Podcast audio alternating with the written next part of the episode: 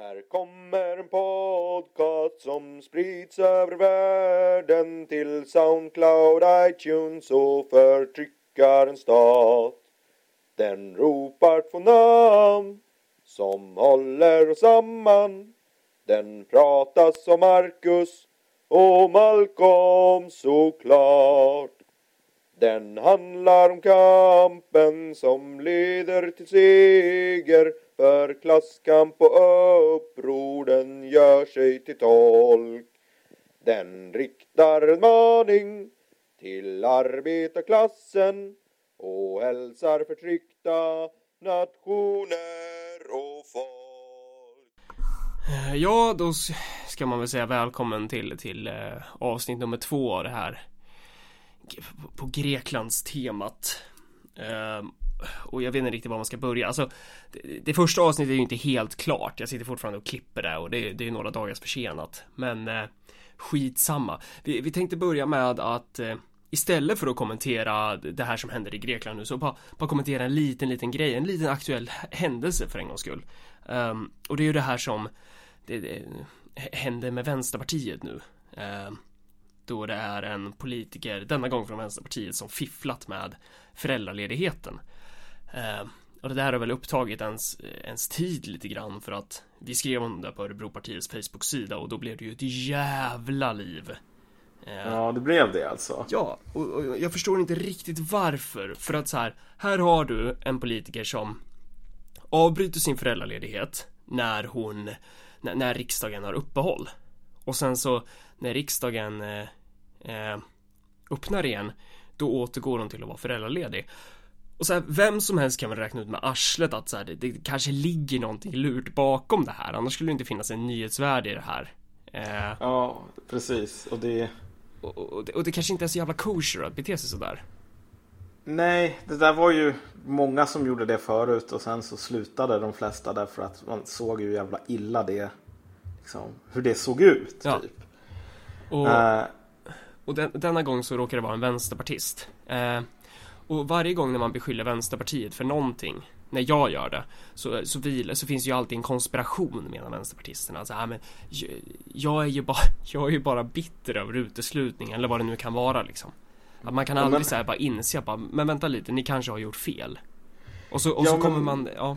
det, jag tänkte bara säga så här också att när man försöker förklara det här så här bara, jo men det här är inte utmärkt att i ett feministiskt parti så eh, kan en kvinna ta ut föräldraledighet när riksdagen är stängt. Och det är bara så här, liksom försök inte göra det till en fråga om feminism med att du vill tjäna 61 000 kronor i månaden. Och nu går ju en del av det till partiet i och för sig, men kom igen. Alltså, när man försöker förvandla typ vad som är personlig girighet till något så här, nej men det här handlar om fina ideal, om rättvisa. Du, du, du, pissar ju på de här idealen. Ja, alltså det är ju det värsta du kan göra. Då kommer folk bara så här: okej, så feminism handlar alltså om att, att någon jävla riksdagsledamot ska kunna fiffla med sin föräldraledighet mitt framför ögonen på mig som jobbar svinhårt här och typ har, har svårt att, att få det att gå ihop som det är nu liksom. Och sen påstår de att så här, nej men eh, jag tror att eh, mina väljare är, är väldigt glada över det här. Ja, att jag kan verkligen jobba 110% skriva motioner Ja. 40 timmar i veckan. Och Kom igen. Det andra argumentet som de, som de försöker använda, om det nu ens är ett argument, är så här, men vad då vänsterpartisterna betalar ju partiskatt, vilket innebär att de här skattepengarna som, man, som det då handlar om, i det här fallet en riksdagsledamots månadslön som är 61 000 kronor i månaden, alltså att, det skulle inte vara något problem för att en ma- massa av de här pengarna går in i partiet. Och det är ju bara ännu mer idiotiskt. Det är ju bara så här, okej, så partiet fifflar som organisation då. Skulle det vara mer okej? Som att de typ så här tror att, att majoriteten av, av, av, svenskarna liksom bara så här, nej men vad fan, okej, går det till Vänsterpartiet, ja men då är det okej. Ja, alltså hur många skulle vara beredda att acceptera det argumentet om någon från svenskarnas parti sa det liksom? Ja, eller från vilket jävla parti som helst. Precis. Ja, att, att så här, det är ju så, det är ju så jävla absurt och det visar ju vilken jävla värld de här lever i. Fan vad trött jag blir på er, ni är så jävla sämst. Ja, men vad fan. Kanske inte ska förvänta sig så himla mycket mer så blir man inte eh, besviken. Nej men jag, det är det som är så otroligt att, att man upphör ju aldrig att förvånas. Bara så här, hade, när vi kritiserar något annat parti liksom. Eh, det är klart att de också har den här, för att vi, vi kör ju mot alla jävla politiker. Det är ju det som är grejen med Örebropartiet. Vi slår ju mot åtta klövern för fan. Och det är så här. Visst, det är klart att de menar på, ja ah, men vi är alltid extra utsatta, alltså, oavsett vilket parti det är. Men, men, men alltså, någonstans så kanske ni bara borde hålla käften. Ni kanske, ni kanske skulle tjäna mer på det här liksom. Det är bara, ja. bara ett litet tips. Så. Um, och sen det här med att Jonas Sjöstedt går ut och liksom tycker att det är för jävligt och så blir de förbannade på Jonas Sjöstedt för att då är inte han feminist. Alltså vad, fan. Ja, nej men vadå? Vet du vad? Man, Vänsterpartiet får gärna försöka argumentera för att de har slagit ett slag för typ jämlikhet i och med det här. Uh, så är det ju inte. Och typ man gör ju du vet, det fanns ju folk som argumenterade för att typ pansarvagnarna på Prags gator var liksom ett steg i rätt riktning för fred och rättvisa på jorden. Liksom. Men de här papegojorna förr eller senare så är det ju ingen som lyssnar på dem längre. Så är det ju bara. Men ja, åter till ämnet Grekland då. Så yes. det, det förra avsnittet spelades in i onsdags. Och idag är det måndag. Ja. För, förra avsnittet spelades in ett par dagar innan den här folkomröstningen. Och nu sitter vi eh, mindre än 24 timmar efter resultatet från folkomröstningen. Så att eh, det, det, är värt att hålla i åtanke sen när de här sakerna läggs ut. Och det blir ju som väntat ett, ett nej i folkomröstningen. Och som jag sagt i det förra avsnittet nu så eh, Medan våra Facebook-feeder, jag vet, inte, jag vet inte hur mycket du har rensat din Facebook-feed Men jag har ju fan inte gjort det så jag översköljs ju med halleluja-stämning över att det liksom Oxi! Ja! De sa nej! Typ Ja, de är mm. jätteglada över att grekerna har röstat nej så Det där är verkligen Alltså det där är inte bra känns det som. Alltså det, det är alltså... klart, självklart skulle de ha röstat nej och det, det är ju fint att man håller folkomröstningar. Men vad fan, gör inte till någonting det inte är. Alltså för, ja. för det första, hela den här skiten var ju redan avgjord. Ja, hela den här halleluja-stämningen tycker jag är verkligen så här typ idiotvänstern återigen. Därför att i, i slutändan så här. Mm, okej, okay, om man hade förlorat den här folkomröstningen, vilket det såg ut liksom att det var ganska nära att man skulle göra ett tag i alla fall. Liksom var jävligt jämnt i opinionsmätningarna. Då skulle Syriza ha kollapsat. Och då skulle de ha mer eller mindre avgått. Det, det liksom, alla väntade sig det. Okej, men nu vann man. Men man har återigen så här lovat saker som man antagligen inte kommer att kunna hålla. Och lovar man saker som man antagligen inte kommer att kunna hålla och gör en jävla halleluja-stämning av det. Då kommer folk förr eller senare att bli desillusionerade. För att okej, okay, nu har man liksom röstat nej. Man skulle väl kunna likna det här vid att du, du är du är, du är under belägring. För det är ju, Grekland är ju faktiskt under belägring. Alltså det är det inte så man kan säga liksom att att det är mattransporter och sånt som, som minst sagt kommer, kommer försenas till det här landet. Mm. Alltså de, de befinner sig i dödläge. Man skulle kunna likna det med att vara i en belägrad stad någonstans eh, under medeltiden och du har liksom mongolernas gyllene hord utanför och bara så här Okej okay, nu ska vi rösta i den här staden om vi ska öppna portarna till Genghis khan Eller om vi ska skita i det Och så röstar alla nej Folk blir jätteglada att hon röstar nej eh, Och så sitter de där i den där staden mm. Och så sitter man utanför och så väntar man och så vet man att okej, okay, vet du ja, Ju mer tiden går, det är inte vi som kommer att svälta här Men alltså eftersom Grekland är med i euron Eller EMU så kan man inte trycka sina egna pengar. Utan pengarna måste komma utifrån. Eh, och de här pengarna behöver man ju för att göra sådana här saker som att typ betala löner, importera typ mat och liknande. Så att ju mer man väntar desto mer kommer alltså bankerna och liksom Bankerna kommer inte kunna öppnas. Folk kommer inte kunna importera mat. Företag kommer att gå i konkurs liksom i stora sjok. Och ett normalt liv kommer inte vara möjligt överhuvudtaget så. Nej precis, ett normalt liv sett till dem till hur vi definierar det utifrån kapitalistisk eh, fan jag slår det, utifrån kapitalistisk kontext. Um, för, för, för det är väl det som är ganska intressant att Syriza menar ju på att um, deras syfte har ju aldrig varit att så här, eh, det har de ju sagt liksom alla, alla, alla företrädare att deras syfte har inte varit att bygga något slags socialistiskt samhälle och så utan de har ju rakt ut sagt att vi måste rädda kapitalismen. Ja. De har sett det som menar- sitt uppdrag att rädda kapitalismen. Jo men precis. Och det är liksom, deras argument är ju mer eller mindre så här, kolla. Saker och ting håller ju på att gå sönder totalt nu. Typ kapitalismen bygger man inte över en natt. Du menar socialismen bygger man inte Ja, över? socialismen b- bygger man inte över en natt. Ehm, Så att det är liksom, det är oansvarigt att hålla på och tala om något sådant. Och jag, jag kan hålla med till, till väldigt stor del. Liksom, speciellt när man läser alla de här jävla retard-trottarna som bara Åh, kom igen grabbar, nu ska vi typ eh, ockupera fabriker och ha folkmakt och sovjeter. Bara, håll käften, jävla idiottrotte. Det är inte så saker och ting funkar.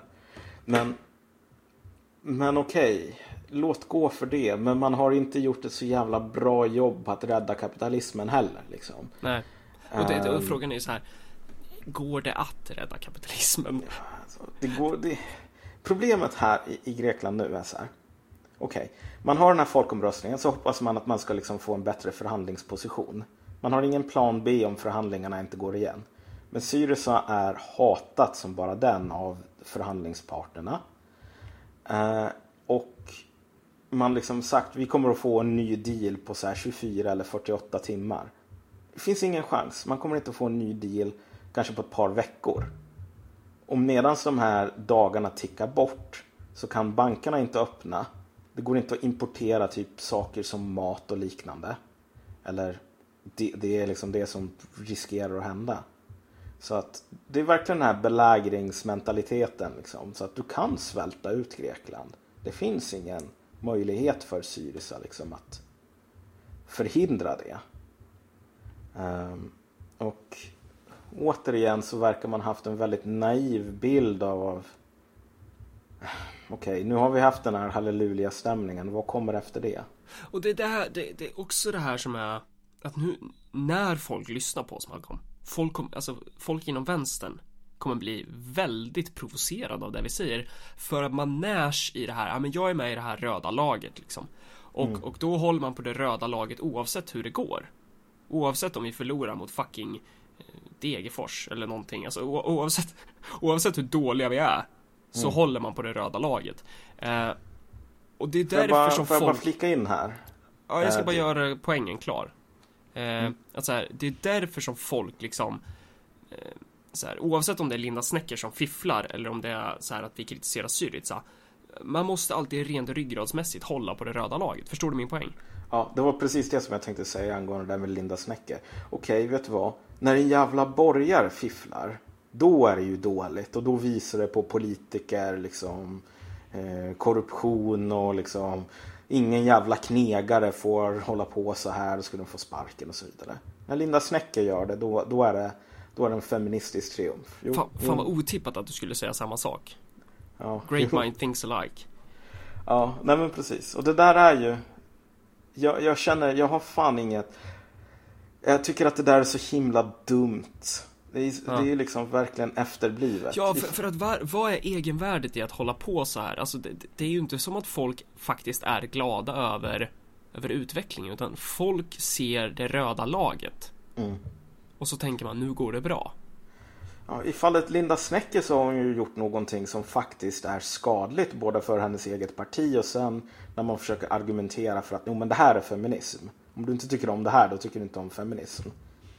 Då skadar du ju inte bara Vänsterpartiet utan någon sorts liksom seriositeten hos feminismen som sådan. Liksom. I någon liten mån i alla fall. Det är ingenting som man behöver liksom säga, men det här, det här det här måste jag ändå liksom omfamna på något Nej. sätt. Och samma sak gäller med Syriza. Det finns ingenting i det här som vi måste omfamna, utan det, det, den, den politiska hållningen borde väl snarare vara att så här, okej, vad är det som händer här? Hur är det strukturerat? Vad, vad, vad är bra? Vad är dåligt? Vad kan man lära sig av det här?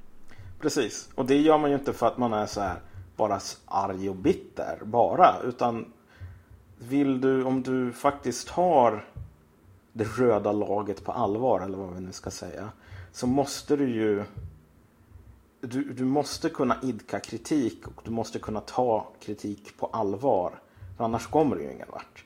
Så om du vill att det ska gå bra så behöver du ju, så är det ju här kritik ingenting negativt. Nej, precis. Och, och, men då är vi inne på det här med Syriza. Och, och jag tänker liksom att när det gäller att lära sig något och så, så det, det finns ju röster och det har funnits ett, ett tag i, runt om i Europa eh, och, och, i Sverige framförallt. Eh, folk som ska liksom bygga det nya arbetarpartiet och folk är helt så här. Ja oh, men shit, kolla Syriza har enat vänstern. Vi måste göra samma sak i Sverige. Och du vet, man vill liksom ha, haka på den här grejen och det är där man tror är att ha lärdom att, att, att försöka bygga ett liknande parti här. Här kommer Marcus och Malcolm.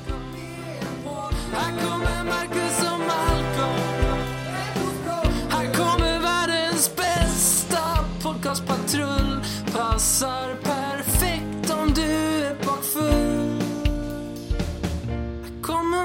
Marcus Malcolm nu, nu kanske jag säger en till grej som är lite provocerande, men så här, vilken jävla pajas som helst kan bygga ett Syriza eller ett Podemos, eller för den delen Örebropartiet, eh, så länge syftet bara är att vara en reaktiv kraft. För att det är vad Syriza och Podemos är. Alltså så här, man, man, håller på med den här vänsterpopulismen liksom. Eh, och det gör ju jag med. Men vad fan, sen då? Va, vad Alltså du måste ha någonting mer att komma med. Du, du kan inte bara liksom så här. Okej, okay, men vi ska så här prutta fram någon eh, reaktion på det här som händer. För att okej, okay, saker kommer gå åt helvete. Klart som fan folk kommer lyssna på dig om du tycker att det som går åt helvete, att det är dåligt att det går, går åt helvete. Men du måste ju ha en strategi för det också. Det, det funkar, alltså så här. Ja, du kommer kunna spontana fram ett Syriza i Sverige av olika, av de här små skitpartierna som aldrig gör någonting bra.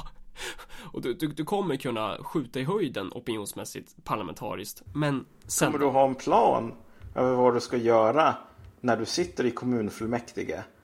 Efter att ha lovat ditten och datten. Eller när du sitter som liksom stödparti i en regering. Uh, det där är, kolla, det där är min, det där har jag sett liksom här i Sverige också så här att man säger typ Okej, okay. våran plan är typ så här. Vi hatar politiker eller nedskärningar eller vad det nu är. Så här, inga mer nedskärningar om vi kommer in och så kommer man in. Så bara. Liksom man ställer den här frågan. Okej, okay, men du vet, hur hade du tänkt att budgeten skulle se ut? Bara, är det där är inte mitt problem? Och bara, men okej, okay, men vems problem är det i så fall? Alltså, det, det, blir ofta det här typ, ja men jag är socialist, jag vet ingenting. Liksom som om det vore något positivt. Liksom som om det låg någonting positivt i att inte ha en strategi. Att bara agera liksom så här, här och nu. Eller jag är socialist, jag behöver inte veta någonting, för det gör någon annan åt mig. Det, det, vikt, det, viktiga är bara att stå på läktaren och bröla, för det är ju verkligen vad folk gör. De står på läktaren och brölar på det röda laget. De vill aldrig gå, gå ner i den där matchen och vara med och kämpa mm. liksom. För, för jag känner bara så här. Liksom, och det här är någonting som jag har liksom slagit mig typ varje gång som jag snackar med typ autonoma eller med typ vänsterpartister. Vänsterpartister är värre egentligen. Det blir så här, okej, okay, vet du vad? Cloetta lägger ner sin fabrik, gud vad hemskt. Så här, gud vad kapitalismen är girig gud vad EU är dåligt eller vad det nu är. Och jag bara säger så här, okej okay, om du vill förhindra, om du tycker, om du håller på och lovar typ om du håller på och brölar om typ fabriker som flyttar utomlands. Har du någon aning om vad du behöver göra för att få slut på det? Vet du vilka de relevanta liksom, reglerna och internationella avtalen som Sverige gått in i?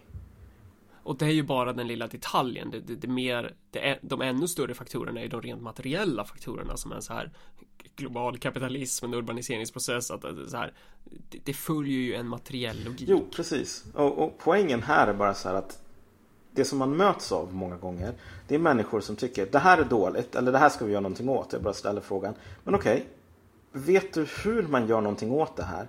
Är du beredd att typ säga så här, okej, okay, vi i Sverige, vi vill omförhandla EUs fyra friheter eller gå ur. Är du beredd att betala priset? Liksom? För det kommer inte bara vara liksom, du kommer att vara tvungen att ge upp ganska mycket, offra ganska mycket om du ska få ett slut på fabriksutflyttningar från Sverige till exempel. Så här, okej. Okay.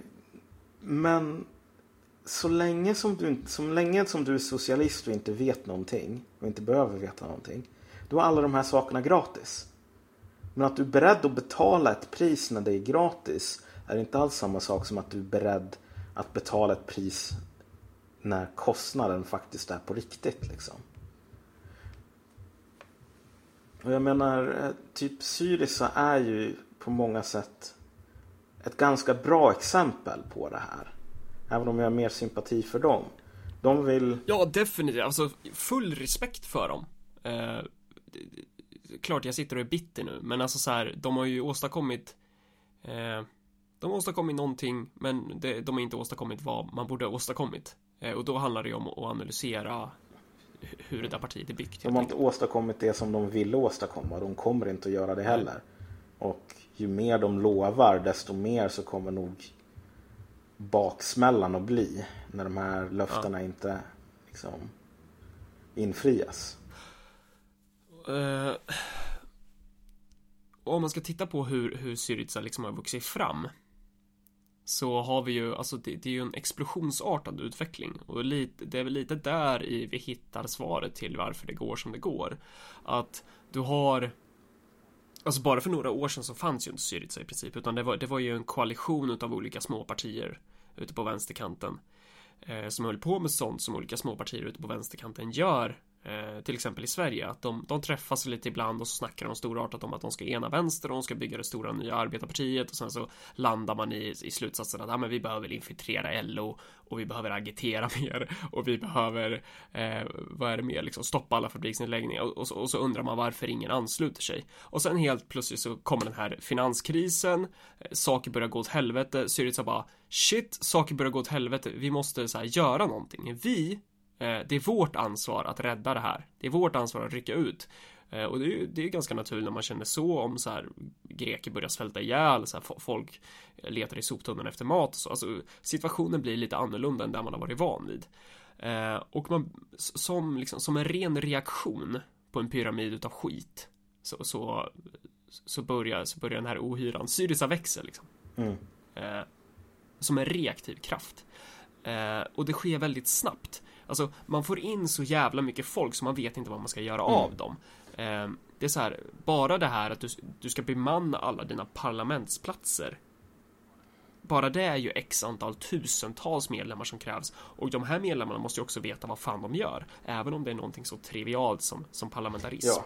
Tänk dig då att du har ett uppdrag som, går, som sträcker sig längre än att bara sitta i ett parlament och vara någon, ännu en jävla tyckare liksom. Tänk dig att du har ett uppdrag som handlar om att faktiskt ställa om samhällets produktion i grunden. Ja, för det är ju inte bara, alltså det här är ju de som, något som de flesta inte tänker på. Men om du ska hamna in, liksom ta regeringsmakten till exempel. Så visst, ett parlament kanske bara har en 300 liksom, stolar, 300 till 400. Någonstans i de svängarna. Men det är bara så här alla ministerier och liknande. Typ alla statliga myndigheter det är ju normalt sett liksom så, så att eh, de måste också fylla. Och typ, jag vet inte när, och liksom, när en ny president går på i USA till exempel så är det tusentals och åter tusentals liksom stolar. Alltså tjänstemän och liknande som varje president tar med sig. Sådär. Och då, och då, kan, då skulle vissa i, i, kunna argumentera att så som i Sverige till exempel, att du byter inte ut tjänstemännen men så här har, har du en idé om ett, an, ett i grunden annorlunda samhälle, då kommer du behöva byta ut tjänstemännen, för staten är liksom ingen neutralt organ. Det är inte bara att mounta den här med olika färg, så färgas resten i den färgen. Utan du måste verkligen ha en grundläggande kapacitet för att, för att eh, bemanna de här apparaterna. Mm, ja, men precis. Så det hade man ju inte. Och sen liksom den här tillväxten. Mycket, många människor har ju kommit liksom från PASOK till exempel. Så att det blir också där en annan dimension av typ okej. Okay, vad är det för råttor som söker sig till ditt skepp liksom? Mm. Och exakt det där skulle ju hända i det här landet också. Om, om någon eh, rent pajasmässigt bara kände att vi behöver bygga ett nytt Syriza eller vi behöver bygga ett Podemos i Sverige. Jaha, men sen då? Äh, men skitsamma. Och så bara, då kommer ju vissa vänsterpartister hoppa över dit också och man kommer tycka så här. Det är jättebra de här kan ju fylla en nytta här. Sen kommer kanske Som Mona här- Sahlin att stå utanför portarna en kall vinterkväll och tagit med sig sin kompis Per Schlingman. Och så ska Ja. de styra upp liksom så att allting blir bra och så. Eh, jo, nej men du vet, alltså man bygger inte partier över en natt så. Det är väldigt svårt. Och det, Och, och man måste bygga partier för ett större syfte än bara att vara reaktiv. Och det här, det här är ju inte bara Syriza och Podemos som är reaktiva krafter. Alltså, jag har ju sagt det här förut också. Alltså revolutionära fronten och antifascistisk aktion är ju också på något sätt reaktiva krafter. ja, Att så men alltså de... Visst, de, de kanske, de, de fyller ett konkret syfte i att vara så här fysisk konfrontation. Men så här, du kan inte bekämpa fascism genom att bara eh, slå bort någonting som hela tiden kommer igen. Jo, men precis. liksom? Men det säger de väl själva också liksom. Alltså. Ja, ja, jo, det erkänner de ju själva. Absolut. Eh, men, men det är ju det som är liksom så här idén att du måste ha en offensiv kraft. Du måste vara, du måste, ska du bedriva politik så måste du vara, du kan inte vara reaktiv. Nej. Alltså du, du... Om du tänker dig liksom ett krig eller ett- en schackrunda eller något sådant. Visst, du är ju alltid reaktiv. Du ser ju alltid på vad din motståndare gör och så vidare. Men det är ju inte det enda. Alltså, du, du, det finns ju alltid liksom ett så här växelspel mellan det som du utgår från, din plan. Och liksom dina justeringar till den här planen som kommer av liksom vad fienden gör. Men du måste alltid börja med att ha din egna plan, din egna strategi, din egna liksom resonemang kring vad du vill göra, hur du vill ta dig dit. Nu kanske den här grejen med RF och AFA är, irrelevant. Ja, ja, alltså, men de, de till skillnad från Syriza, liksom, RF och AFA och Syriza är ju inte direkt samma sak. Liksom. Nej, Eh, utan Syriza är ju ett riktigt parti och har ju pretensioner om att vara det. Liksom så. Eh, eh, så att de, de, de är ju i en annan liga på det sättet liksom, och är ju mer värda kritik på det området. Men alltså liksom, vi, vi, vi, kan, vi kan egentligen illustrera den här poängen med just um, Syrizas liksom de har haft så här laserfokus på att nu ska vi få en bättre deal från liksom eh, borgenärerna. Liksom. Eh, de har haft laserfokus på det, de har ingen plan B överhuvudtaget. Just för att de har liksom ingen kapacitet att ha en plan B. Därför att de gick in i det här och så tänkte de att ja, vi ska göra det bästa av situationen. Och sen nu visar det sig att liksom, ju tydligare det blir att det inte kommer att få bli en bra deal. Desto mer fortsätter de med det ändå. Liksom, därför att vad annars ska de göra? De har liksom backat in sig där de är lite grann, om inte schackmatt så i alla fall i schack liksom. Så. Och när du har gjort det, då finns det ju inget som du kan göra här och nu kanske. För att bättra situationen. Utan du, det skulle du varit tvungen att liksom ändra på, liksom, ändra på din strategi hundra drag tillbaks. Um, och det är väldigt svårt att lätt, eller det är väldigt enkelt att hamna i sådana situationer om du går liksom från, du bara gör saker och ting spontant. För det som byggs rakt upp i höjden kommer falla ner, kommer falla tungt. Sakernas tillstånd,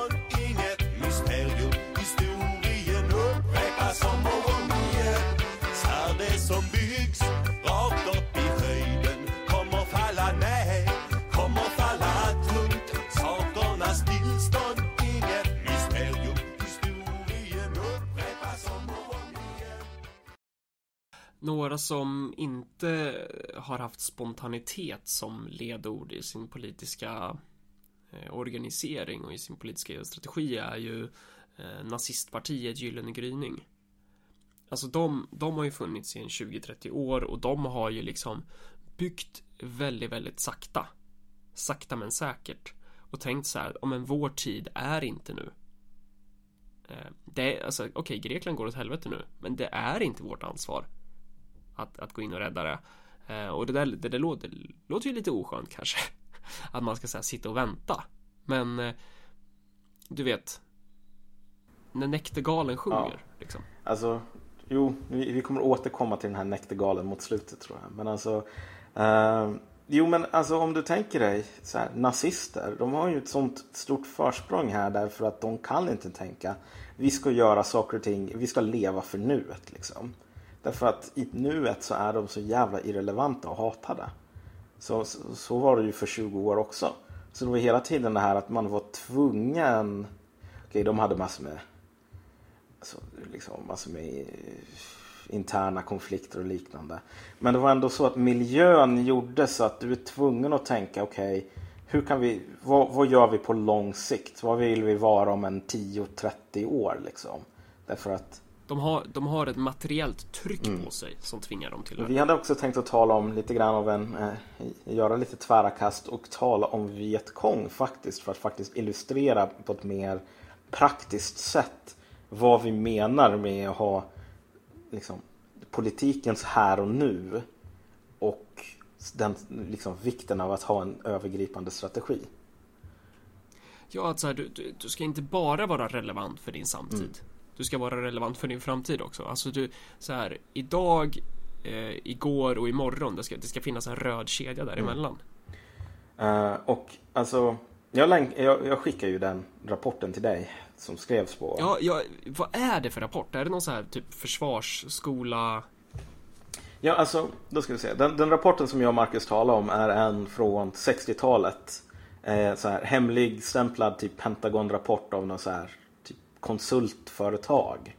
Som höll på att undersöka Vietkong. Liksom. Varför gick, ja, varför gick det så jävla bra för Vietkong? var liksom den frågan som de var tvungna att besvara därför att det gick ganska bra för dem. Det gick mycket bättre än vad man trodde att man som så här liksom risbönder skulle liksom klara av mot världens mäktigaste armé.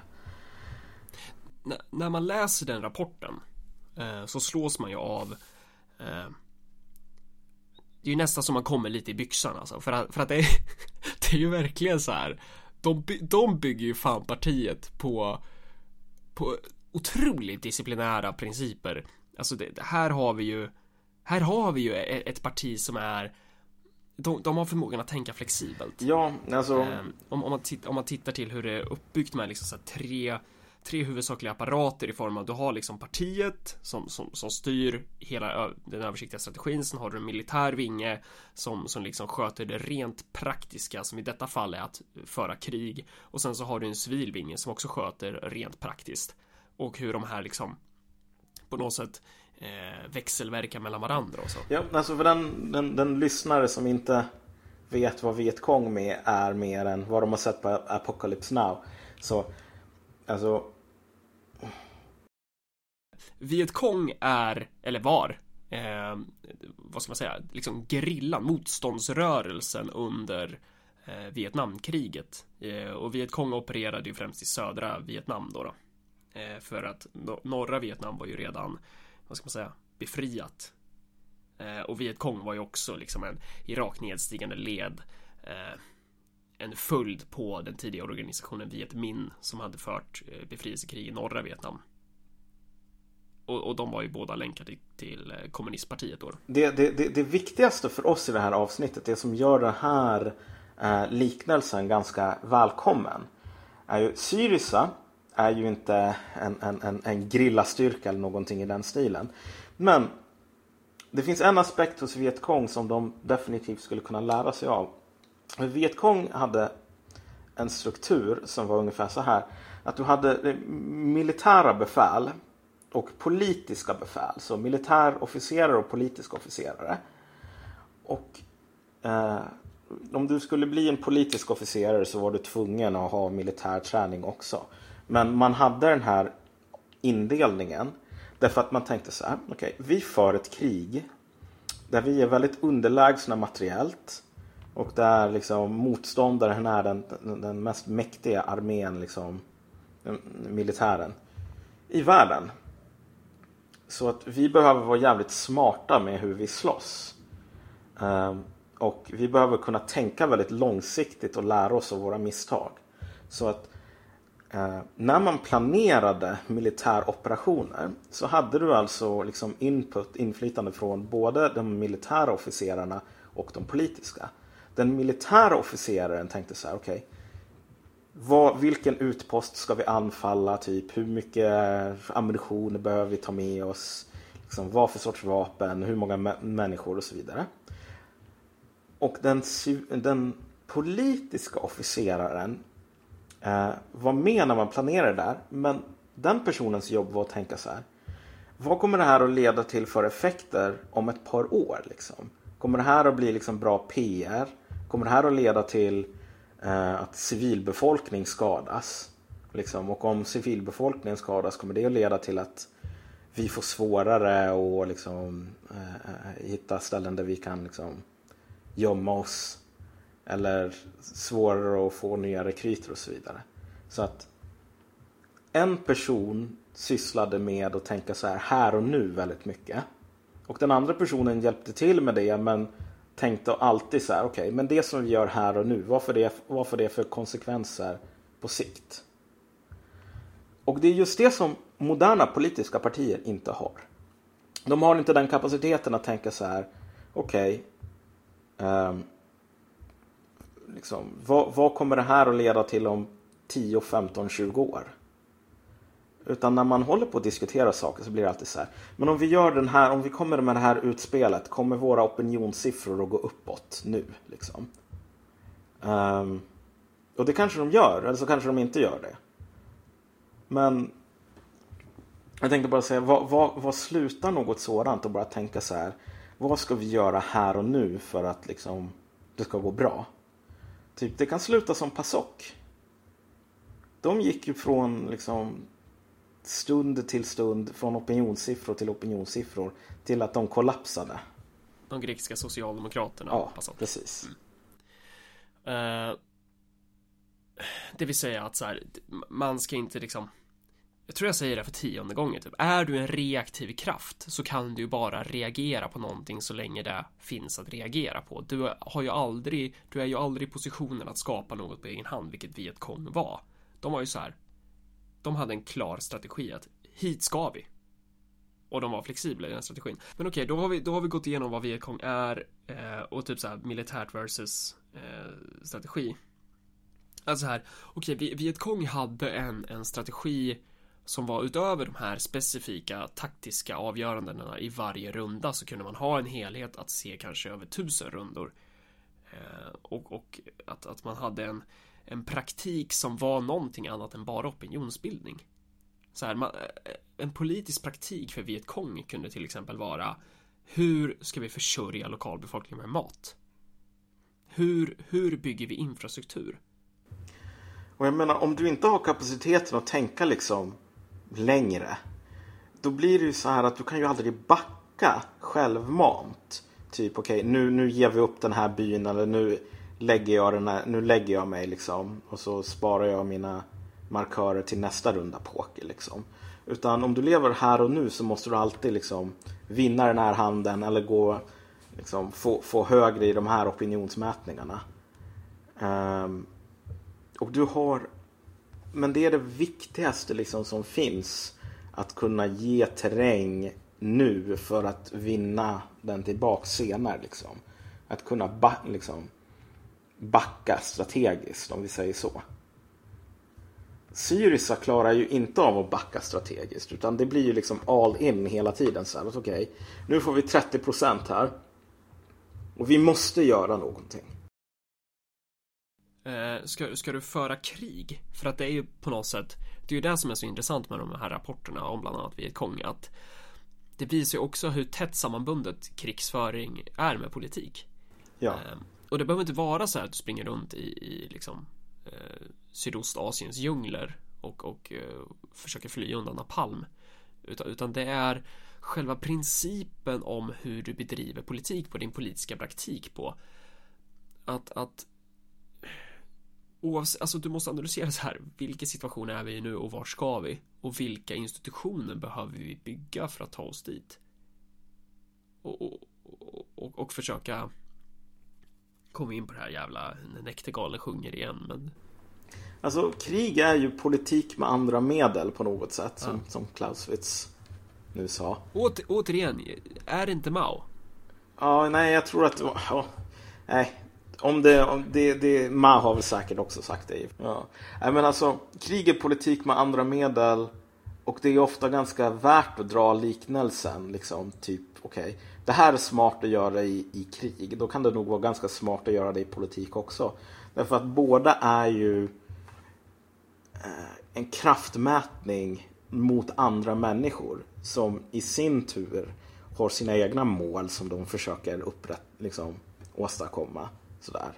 Så att det är hela tiden där liksom reaktion, motreaktion och att du måste kunna vara flexibel i det tänkande och liksom i din planering. Som gör... Och det är därför, det är därför man också så här när folk i svenska vänstern håller på och pratar om att de ska bygga ett Podemos eller ett Syriza oavsett vilka de är eh, så det är ju sällan några generaler i, termer av att de är praktiker utan det är ofta det är ofta tänkare och tyckare som liksom har sin eh, som tänker att politik inte är krig och som inte har praktiserat politik som om det skulle vara krig utan man har praktiserat politik endast som eh, någonting som strömmar mellan fötterna på en typ om man ska reagera på det där. Ja men alltså som, som liksom okej, okay, det handlar om vem som är smartast. Ah. Liksom, och eftersom typ vänstern liksom typ är smartast objektivt sett.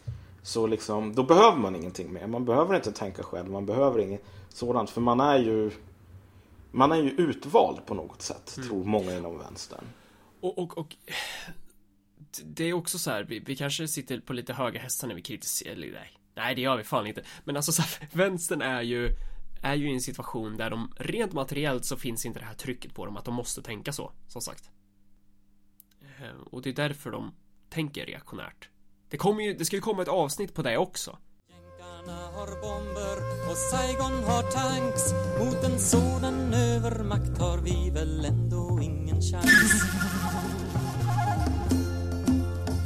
Deras vapen är moderna, himlen flygplanen bär Men vi har ett helt folk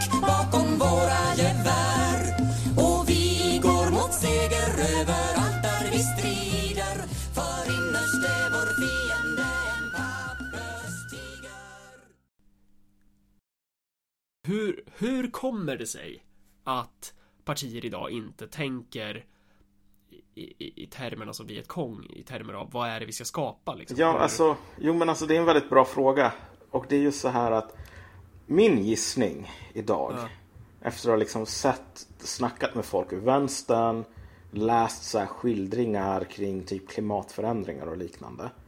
Det är bara så här att partierna har gjort sig av med nästan all förmåga att tänka längre än nästa opinionsmätning.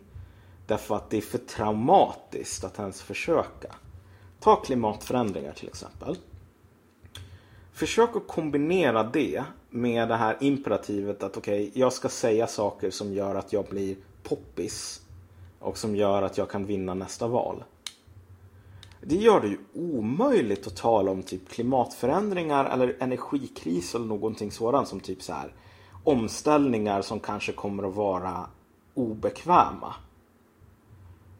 Uh, därför att det, det finner man ju inga röster på för det första.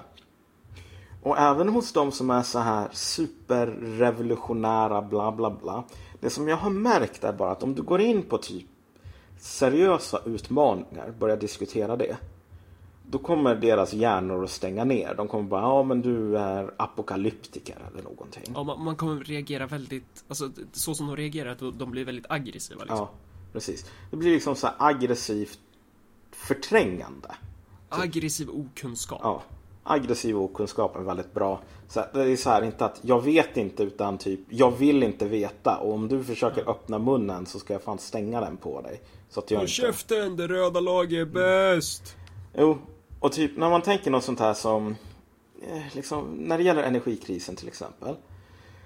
Jag försöker bara använda rapporter som kommer från så här ärkekonservativa institutioner som typ tyska försvarsmakten och liknande. Så, men ändå så blir man anklagad för att vara någon sån här radikal apokalyps-clown liksom. Ja. Um, men det visar bara att ingen är ingen i vänster nästan klarar av att föreställa sig, jag vet inte vad, Sverige om 20 år där nästan ingen har råd att åka bil längre. Nej.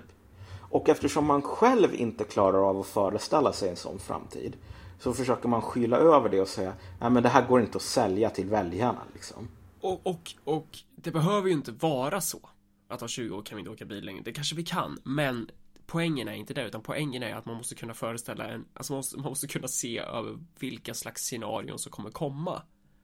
Och det handlar inte om att spå i framtiden, utan det handlar om att, man faktiskt läsa på lite. Men det handlar om när du håller på och läser på och du kommer till liksom, det, det visar sig att någonting som kommer att hända i framtiden fan kan vara ganska jobbigt. Är du stark nog då att säga så här, okej, jag är inte 100% säker på det här, men jag kan ta reda på mer och se om det här är sant eller inte.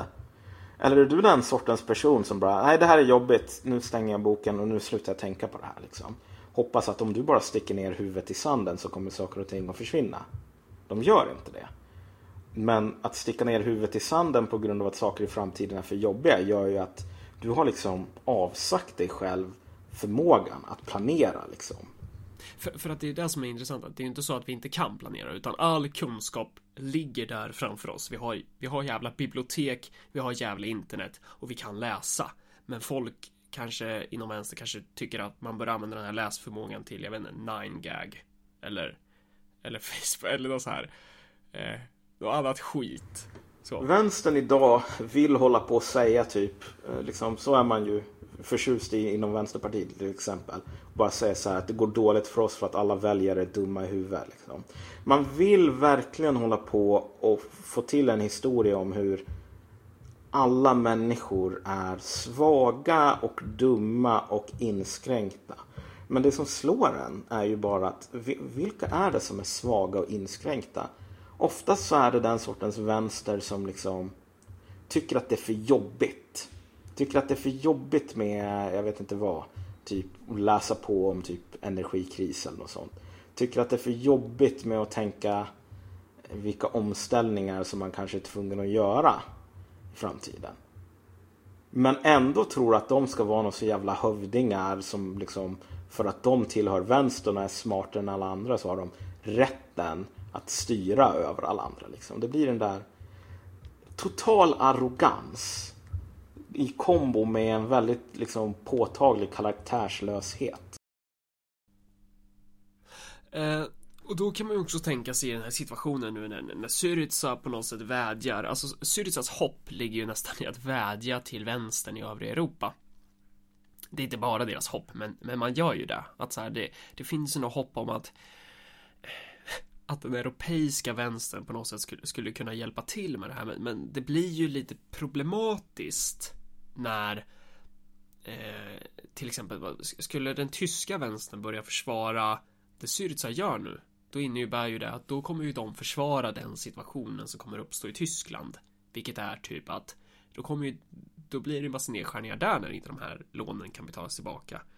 Och samma sak i Sverige kanske. Eh, och jag, jag skulle inte jag säger inte att man inte ska göra det här. Eh, jag är liksom jag, jag är inte den eh, den sortens, vad ska man säga, chauvinist. Eh, men jag tror, eller jag har väldigt svårt att se att europeiska vänstern kommer att agera så, utan jag tror nog snarare att man kommer vara så här, vänta lite, deras död är för fan vårat bröd här. Och tvärtom. Alltså saken är väl den lite grann att Syriza själva skulle ha jävligt svårt att försvara Syriza. Om du bara teleporterar typ den tyska vänstern till Grekland och den grekiska vänstern till Tyskland. Då skulle du nog antagligen se att inte så himla mycket hade förändrats. Just på grund av att Alltså alla som inte kan tänka längre än näsan räcker. Liksom alla i vänstern håller på och kanske snackar om typ ja nu ska vi ha socialism och så vidare. Men i slutändan när det väl börjar krisa så, så säger man nej vi måste rädda liksom vi måste rädda det som finns just nu. Vi måste bibehålla normalitet. Men i det som finns just nu är bara så här att typ alla länder, inklusive de det går bra för, är drunknar i liksom skuldberg som är obetalbara. Och de skulderna som man har i ett land där det går bra ehm, de, försöker, de är inget problem därför att liksom, man har fordringar på typ Grekland eller Italien eller någonting. Ehm, men om du skriver ner Greklands skulder så kommer det ju vara roligare för grekerna. Men det kommer att vara jättejobbigt för tyskar eller italienare eller svenskar så. Så att all, om alla har den här modellen att vi ska bibehålla normaliteten då blir det i praktiken så här att alla lovar att du vet, när musiken slutar så kommer vårt land fortfarande ha en stol. Ehm, liksom, I hela havet stormar.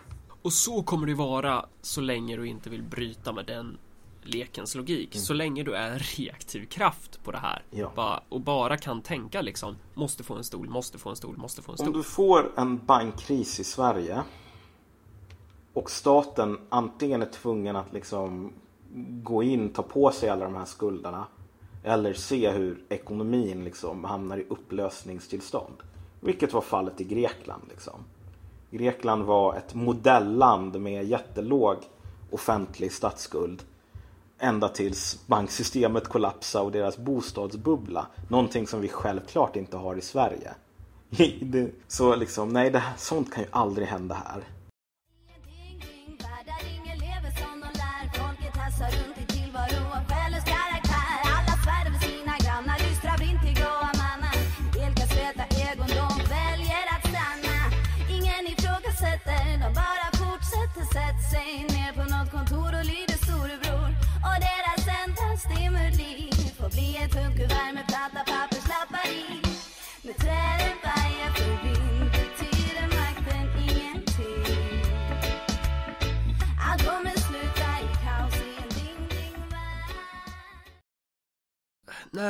Nu, nu har allting gått åt helvete och, och det kommer bli värre. Um, och alltså, det är väl också en grej att så här, om man ska titta på Vietcong eller man kan ju titta på vilka jävla eh, det finns ju andra exempel också men så här att politik handlar ju inte bara om att kunna säga så här att nu ska vi återgå till det normala, nu ska vi återgå till en industrialiserad eh, västvärldskapitalism typ, utan eh, ty- typ att så här, målet skulle vara att alla ska ha en bil eller målet ska vara att alla har en platt-tv. Politiken tror jag blir väl ännu mer viktig i termer av att skapa ett sammanhang. Att, att så här, om du ska titta på sådana här katastrofsituationer. Eh, om vi ska ta Ryssland efter Sovjets fall. Eller om vi ska ta någon annan humanitär katastrof också. Men, men så här när eh, nu kanske jag får jättemycket skit när jag säger att det var en humanitär, humanitär katastrof att Sovjetunionen full. Men eh, hjälp mig här Malcolm. Alltså, du vet. Det, det... Okej, man kan ju ställa sig frågan. Så här, Ryssland på 90-talet hade x antal människor. Och eh, kollapsen liksom mm, skapade en humanitär kris som gör att Ryssland om så här 30 år kommer att ha hälften så många människor som Ryssland på 90-talet. Liksom. Visst, okej, du, du kan ju säga ja, men det här var någonting bra, men då är du ju dum i huvudet. Så. Ja. Eh, Liberalerna tycker att det var någonting bra. Men ja, Ja. hur som helst. Men, men, men okej, så här. Jag behöver inte vara en jävla förespråkare för Sov- Sovjetunionen eller något sånt liksom. Men så här. Faktum är att det som hände under Ryssland på 90-talet var ju att, att människor till stor del förlorade sitt sammanhang. Det, man kan ta andra exempel. Vi kan ta en andra exempel. Men Typ ta a- bomb- vilken arbetslös i- som helst. Egentligen. Ja, alltså arbetslösa generellt. Eh, problemet är inte att de inte kan gå och typ sälja sin arbetskraft. Problemet är ju att de i vårt samhälle förlorar meningen med sitt liv. Och det, det är det som är det riktigt jävla farliga. Att, att så här, i ett sånt läge när du får en permanent arbetslöshet på kanske en vad är det, vi, vad är det man kommer landa på? Jag vet inte fan alltså det, vad är det man har i Spanien och Grekland nu? Det är typ 50% av ungdomarna är arbetslösa och det är så här 25% arbetslöshet som är Alltså det, den är väldigt, väldigt enorm. Eh, då måste du kunna tänka i termer vad ska du göra av de här arbetslösa? Du måste kunna ge de här arbetslösa ett, ett sammanhang. Du måste kunna ge alla människor ett sammanhang. Där politiken blir till mer än att bara kunna förse familjer med en jävla bil eller något sånt där fullkomligt irrelevant egentligen utan det är så här eh, du behöver skapa, du behöver fostra ett eh, något kollektivt Mm. va? Jo, alltså, om man kan tänka sig så här. Att om du ser till, om du ser till liksom förekomsten av depression, liknande liksom stressrelaterade sjukdomar, psykosomatiska sjukdomar. Eh, det är ju ren, jätte, en enorm epidemi. Och som bara blir värre och värre. Speciellt i USA till exempel. Där vi verkligen har den här dynamiken där fler och fler människor blir liksom någon sorts permanent underklass som det inte ens finns något namn på. Ehm, och man måste verkligen undvika här att göra misstaget att tro att liksom typ att folk som mår dåligt att det har att göra med att de inte har en bil liksom.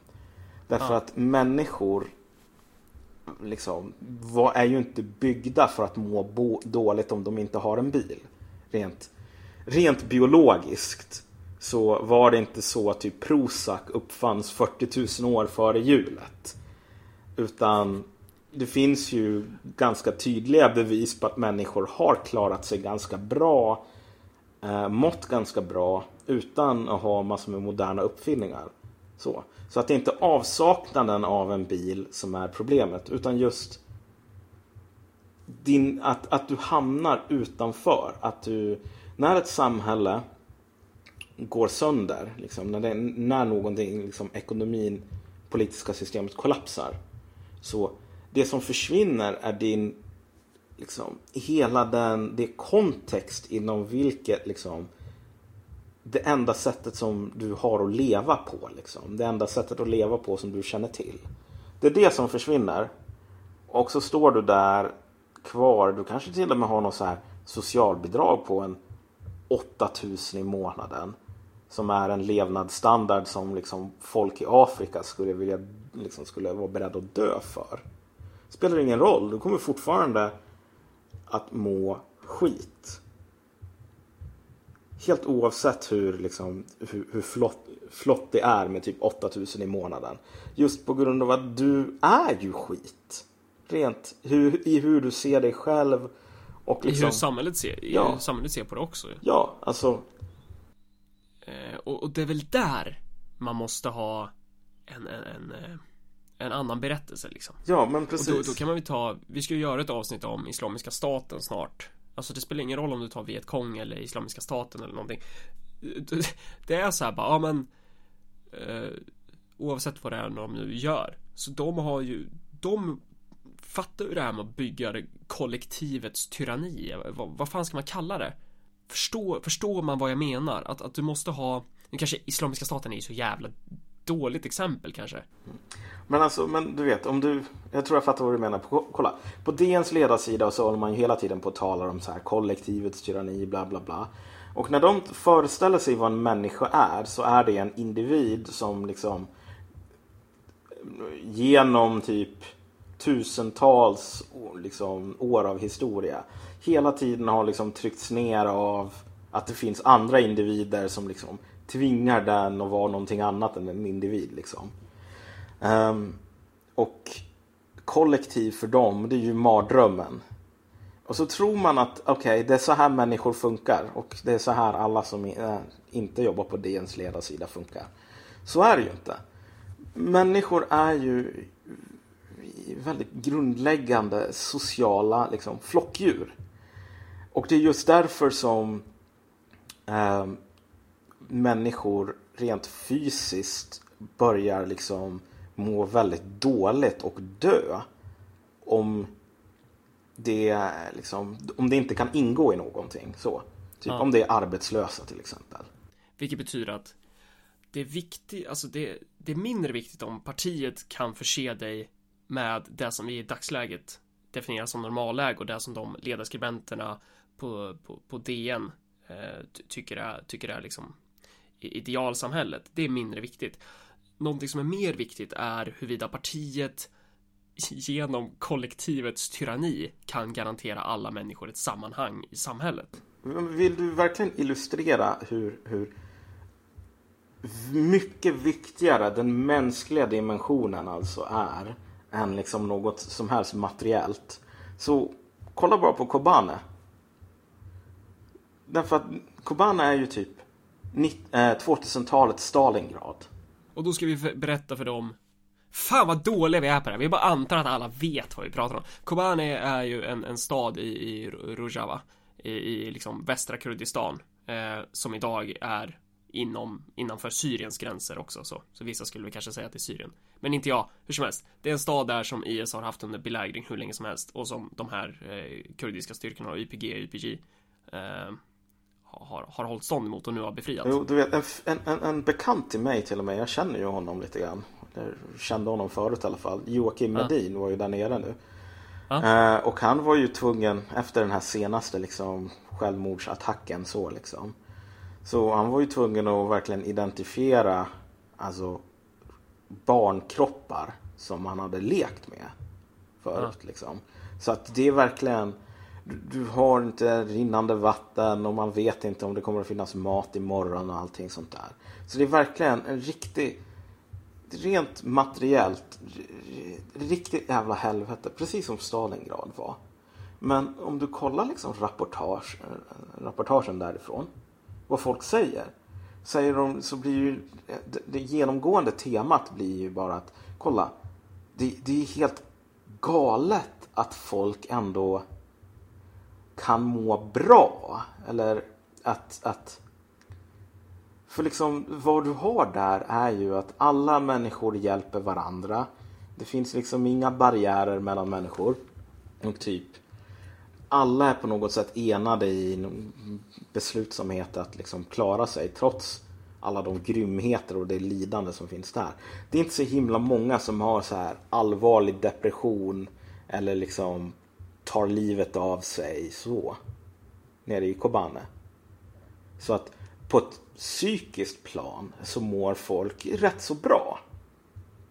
Trots att de har det jävligt mycket sämre än en svensk arbetslös.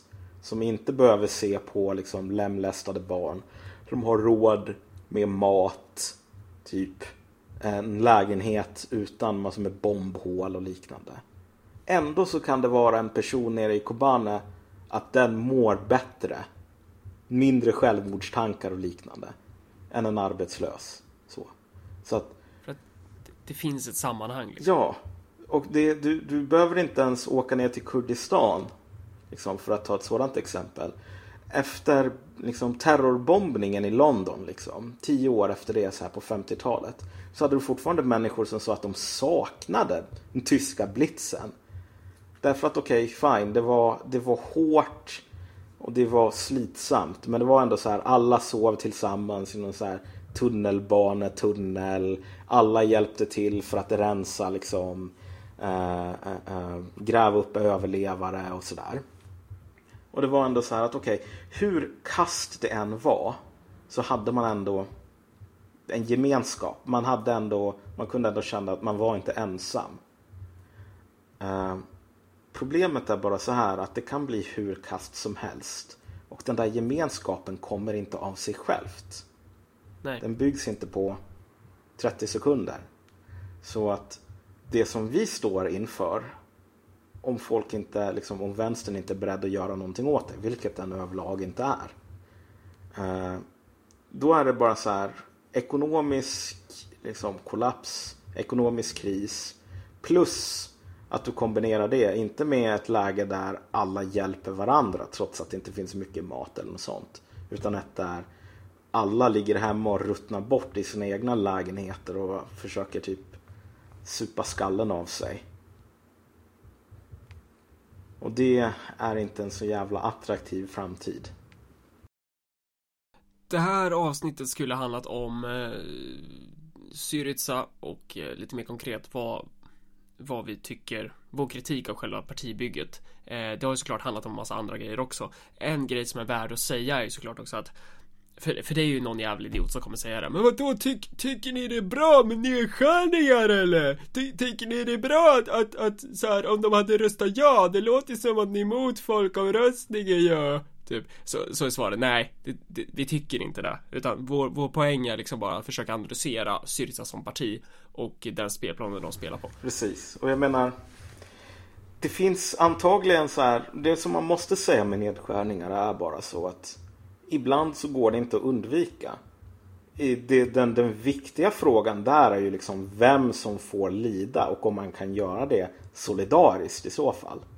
För är det inte det som händer med nedskärningar idag? Att liksom, å ena sidan, du vet, politikerna ska ha högre och högre löner, självklart. Och ha liksom, eh, liksom ledighet som är 100%, liksom 100 lön och allting sånt där. Eh, när riksdagen är stängd. Medan det är alla andra som är tvungna att inse att nu måste man jobba hårdare. Och, och sådär. Um, problemet med Syriza utifrån det som vi just har snackat om är ju bara att man hade liksom ingen plan. Det är väl det första. Man hade ingen strategi därför att det var ett parti som var byggt väldigt ad hoc. Eh, eller som hamnade i den situationen som de gjorde utan, utan att tänkt efter och inte som en del av planering som går tillbaks 20 år eller någonting. Och sen när de står där så vet de inte vad de ska göra. De har liksom ingen plan. Och de har inte heller tänkt så här att okej, okay, vi kanske inte kan förhindra nedskärningar. Men vi kan i alla fall se till så att liksom folk inte behöver gå under liksom. Dö ensamma. Så att de inte behöver vara de här som liksom har dömts ut som värdelösa och som liksom inte längre har någon social liksom du vet om, om folk går, går tillsammans och fixar sådana här saker som mat så oftast så går det på något sätt att klara livhanken. Men eh, men du måste vara beredd att faktiskt liksom, vilja bygga någon sorts liksom, nytt kollektiv. Som inte baseras på liksom, att vi är alla individer, konsumenter så. Um, och det har man inte gjort riktigt. Och det är väl kanske för sent att börja med det nu. Liksom, eller för, man har ju de här sociala rörelserna och så vidare som Syriza är lite grann involverad i. Men tydligen inte nog liksom. Um, vi, vi, behöver kollektivets återkomst helt enkelt. Ja men precis, vi behöver kollektivets återkomst och om vi har det så tror jag faktiskt att människor om folk kan överleva nere i Kobane då tror jag folk kan överleva i Sverige också. Liksom om, utan att behöva akta sig för klusterbomber eller minor eller liknande. Vilket man behöver göra där nere. Men så att vill, kan man bygga den här gemenskapen så kan man klara av den sortens ekonomiska kris som är en jävla liksom västanfläkt jämfört med militär belägring av en hänsynslös fiende som IS. Mm. Men inget annat parti verkar vilja erbjuda någonting annat än liksom så här. Mer av detsamma. Och så ska alla liksom mäta sitt värde i hur bra arbetare, hur bra konsumenter och så vidare de är. Skulle man kunna summera det här som att eh, vi ska fan alla ha stomi-påse? ja, jo. Ja, men precis. Som Weiron i ottan så berömt sa. Ja. Det värsta, det värsta med hela den här Syriza-grejen, apropå ingenting, är ju bara så här att okej, okay, om du ser på liksom vad reaktionerna är. Det, det, det, det, mest tragiska är ju bara att den som är mest lyrisk över det som har skett, det är typ eh, Marine Le Pen. Tycker att det här är underbart. Och det, det gör mig ganska rädd nästan. För att Marine Le Pen är inte dum i huvudet. Hon är inte lika hon är inte som sin farsa heller. Och hon... Lyssnar man på vad hon säger så är det som vi snackar om idag någonting som hon har insett. Att typ om man bara lyckas bygga liksom, en, en gemenskap, det franska folket så. Så kommer nedskärningar eller vad det nu kan vara, det kommer vara mindre av ett problem. Därför att du kommer fortfarande erbjuda människor eh, ett Frankrike där folk inte behöver känna sig värdelösa. Det är bara det att... Och, och det fattar hon hur viktigt det är. Det är bara det att vilka är det som kommer att känna sig värdelösa och vilka är det som kommer att behöva vara värdelösa. Det är ju typ invandrare och folk som inte är rätt sort och så vidare. Så att när bara en sån figur verkar förstå att det spelar ingen roll om fransmännen har bilar eller något sådant. Liksom, vad som spelar någon roll är att de har någon sorts värdighet. Och typ vänstern inte förstår samma sak. Liksom. Det, då visar det ju på hur jävla kass vänstern är idag. Om jag ska vara helt ärlig. Ja. Det, ja. Är vi klara där? Ja, det kanske vi är. Då kan vi återgå till att hylla Linda Snäcker nu då. Ja, precis. Ja, bra. Ja. ja, eh, då trycker vi på stopp.